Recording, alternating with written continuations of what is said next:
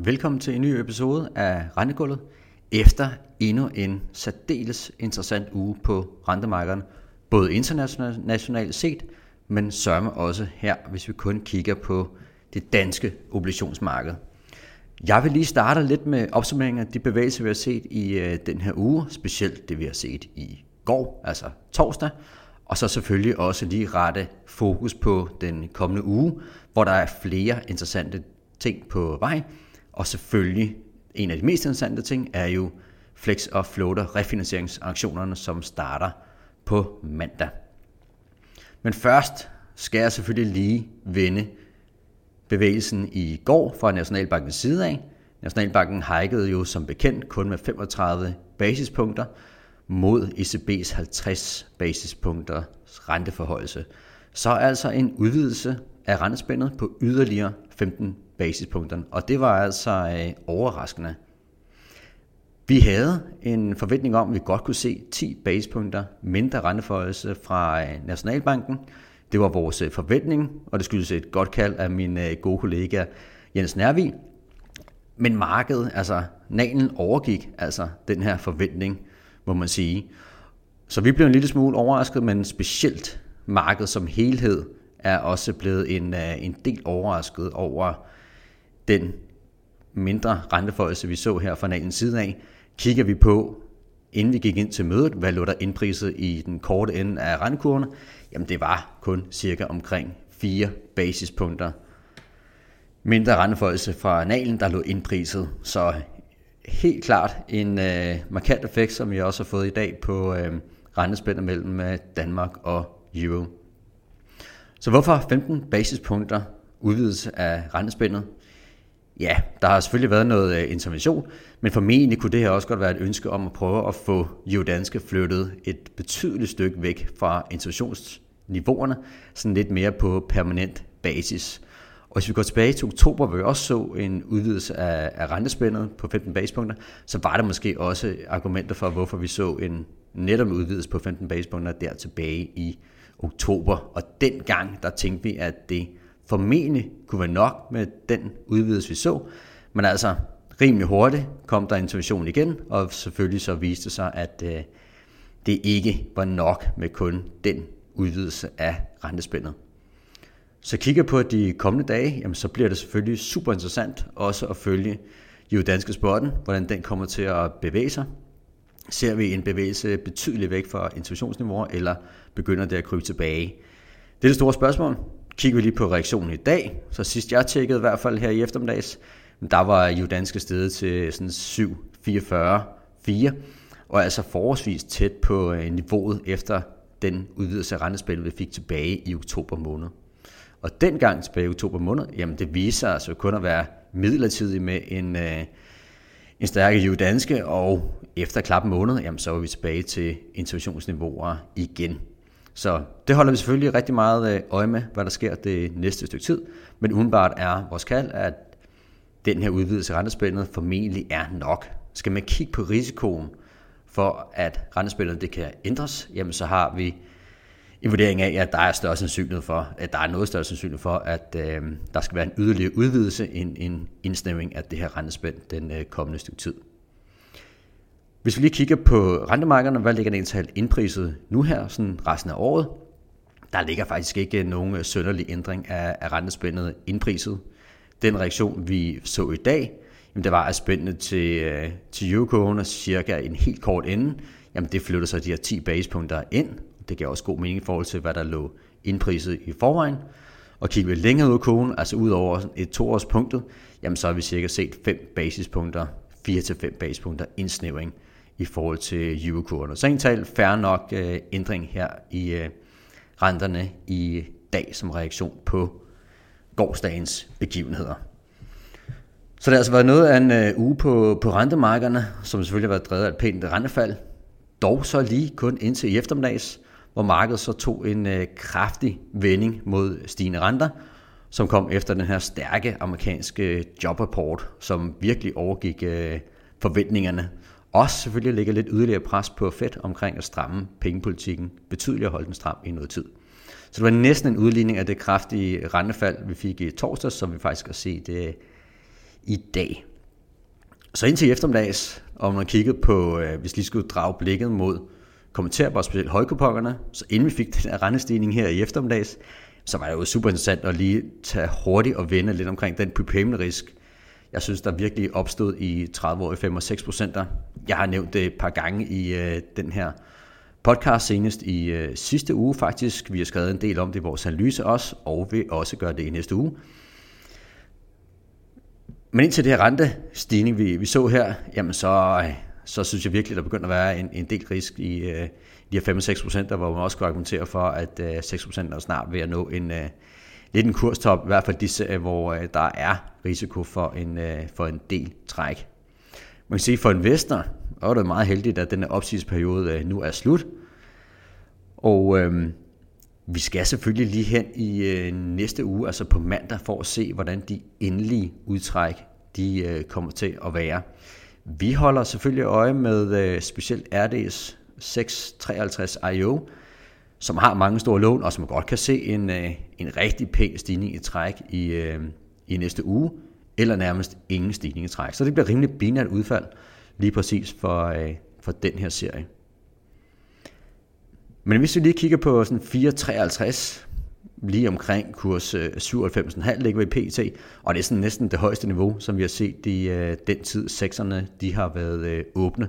Så det er klart selvfølgelig noget på i, i de her 6 procenter som jo sådan set også, indtil i går i hvert fald, har ligget i, øh, i noget af det højeste kursniveau, som, øh, som vi har set, de, øh, de befinder sig i. Så super interessant at følge med i, øh, hvor de her store lån, de, de ligger i de forskellige serier, som jeg også har skrevet lidt om, og super interessant lige at se, hvad sker der på mandag omkring de her endelige træk. Men altså, kigger man på som investor og gerne vil have nogle kommentarer bare med lidt høj kupon i, jamen så vil jeg klart anbefale at prøve at kigge på 30 år 4% frem for 5% og selvfølgelig også 6%'erne. Men det kan vi tage meget mere om i, øh, i de analyser, som vi kommer til at, at sende ud, og som vi dagligt øh, skriver om. En anden ting omkring øh, på mandag, hvad der også sker spændende begivenheder der, jamen det er selvfølgelig, at flexaktionerne de kommer til at starte. Og det, som der skal sælges som øh, det første, det er et år i flexer. Det er mandag formiddag, og det er både for RD og Nykredit. Og hvad skal vi egentlig synes om de her flexaktioner?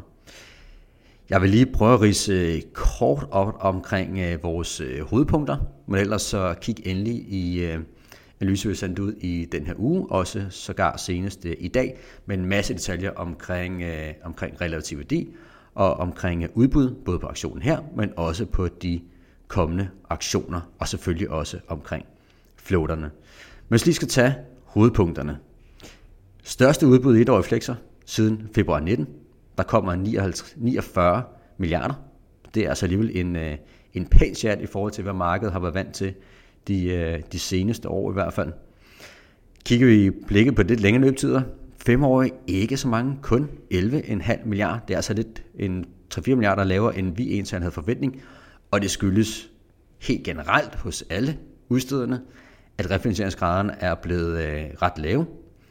Og vi fik lige den seneste lille overraskelse fra RD, som faktisk kun sælger 7 milliarder i de øh, femårige flexer.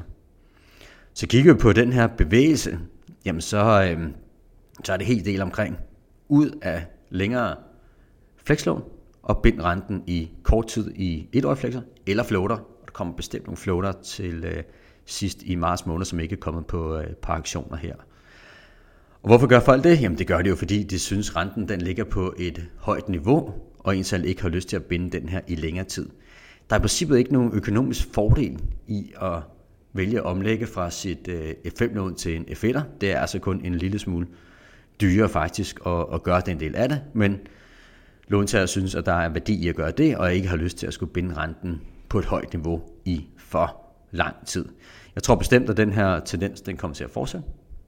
Personligt er sådan forholdsvis meget enig i, øh, i mange af de her låntager, der har omlagt deres øh, F5-lån, ikke taget med på aktion, men enten gået i et øh, floaterlån eller et øh, F1-lån. Personligt har jeg også opsagt min eget F5-lån, og ikke har jeg lyst til at skulle have det på aktion PT, men i stedet for at gå over i noget floaterlån. Jeg synes, det giver en talt god mening. Men kigger vi lidt på sådan relativt værdimæssigt, og vi starter med at zoome ind på de etårige flexer, så ligger de omkring 10 punkter til CITA. Jeg synes, det kan virke en lille smule dyrt, når vi kigger øh, på, hvordan det er gået de seneste to øh, aktioner, vi har haft, hvor begge aktioner tilbage i november og tilbage i august, jamen de overraskede med at spænde i et år flex, og ental kørte, øh, kørte en del ud. Og lige nu ligger vi så, inden vi går ind i aktionerne, på et dyre niveau spændmæssigt i de, øh, i de etårige flexer. Så må det ikke, øh, der kunne være et, øh, en risiko for, at øh, spændene kommer en 5-10 punkter længere ud her på auktionerne, frem for at de går tighter. Det er i hvert fald øh, det syn, som, øh, som vi har. Og så kan man sige, før i torsdags, hvis nu Nalen ikke havde udvidet rentespændet til, til jamen havde investor så købt en etårig flexer, så havde man jo også implicit optionen for, at der kunne være en yderligere udvidelse af det her spænd til fordel for investor, og i forhold til, hvad der lå indpriset. Men den option, kan man sige, den er ligesom taget, øh, taget ud af, af markedet PT, og det kunne måske på, altså helt ude på marginalen, dæmpe lidt af efterspørgselen efter et år flexer her i næste uge. Det er i hvert fald der, vi ser, at der kan være størst sandsynlighed for, at spændene kunne køre ud. Kigger vi lidt på de længere løbetider, treårige flexer, og heller ikke kommer det voldsomt stort udbud, lidt mere udbud end de femårige flexer, men ensal virker ret fornuftigt for en, en fundet hedged investor, specielt hvis vi kigger på carry per spytvisk, ligger det et my bedre end de 4-årige, 5, 4-5-årige løbetider. Så ensal et, et udmærket punkt for en, øh, for en fundet hedged investor at skulle, øh, skulle ligge i. Gå helt ud i de femårige flex også, øh, ser vi også noget værdi i faktisk. Og kigger vi specielt i forhold til den historisk forholdsvis høje korrelation, der har været mellem assetsopspænd på femårige flexer, og så hvordan det er gået på kredit- og aktiemarkederne, jamen så lægger de her femårige flexer en, øh, en lille smule performance her på det, på det seneste. Måske er de omkring en 3-4 basispunkter for billig i den sammenhæng i hvert fald. Så hvis vi kigger både øh, relativt mæssigt og selvfølgelig det udbud, der ligger der, jamen så vær lidt forsigtig med det etårige flexer og gå lidt mere efter de 3-5-årige flexer. Det er sådan hovedbudskaberne fra os. Kigger på floaterne, det bliver også lidt uh, interessant. Det er først den 10. Det vil sige, at aktionerne de slutter faktisk med, at vi får floater til salg, og der skal sælges faktisk grønne floater, som jo ikke så tit, at de kommer på auktion. Der er 8,4 milliarder, og så er der cirka 14,6 milliarder i almindelige floater.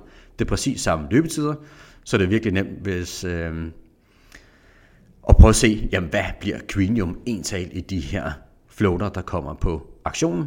Vores bud er, at vi nok skal se omkring to basispunkter, som er nogenlunde det, som vi ser de grønne floater gå på her på det seneste i hvert fald.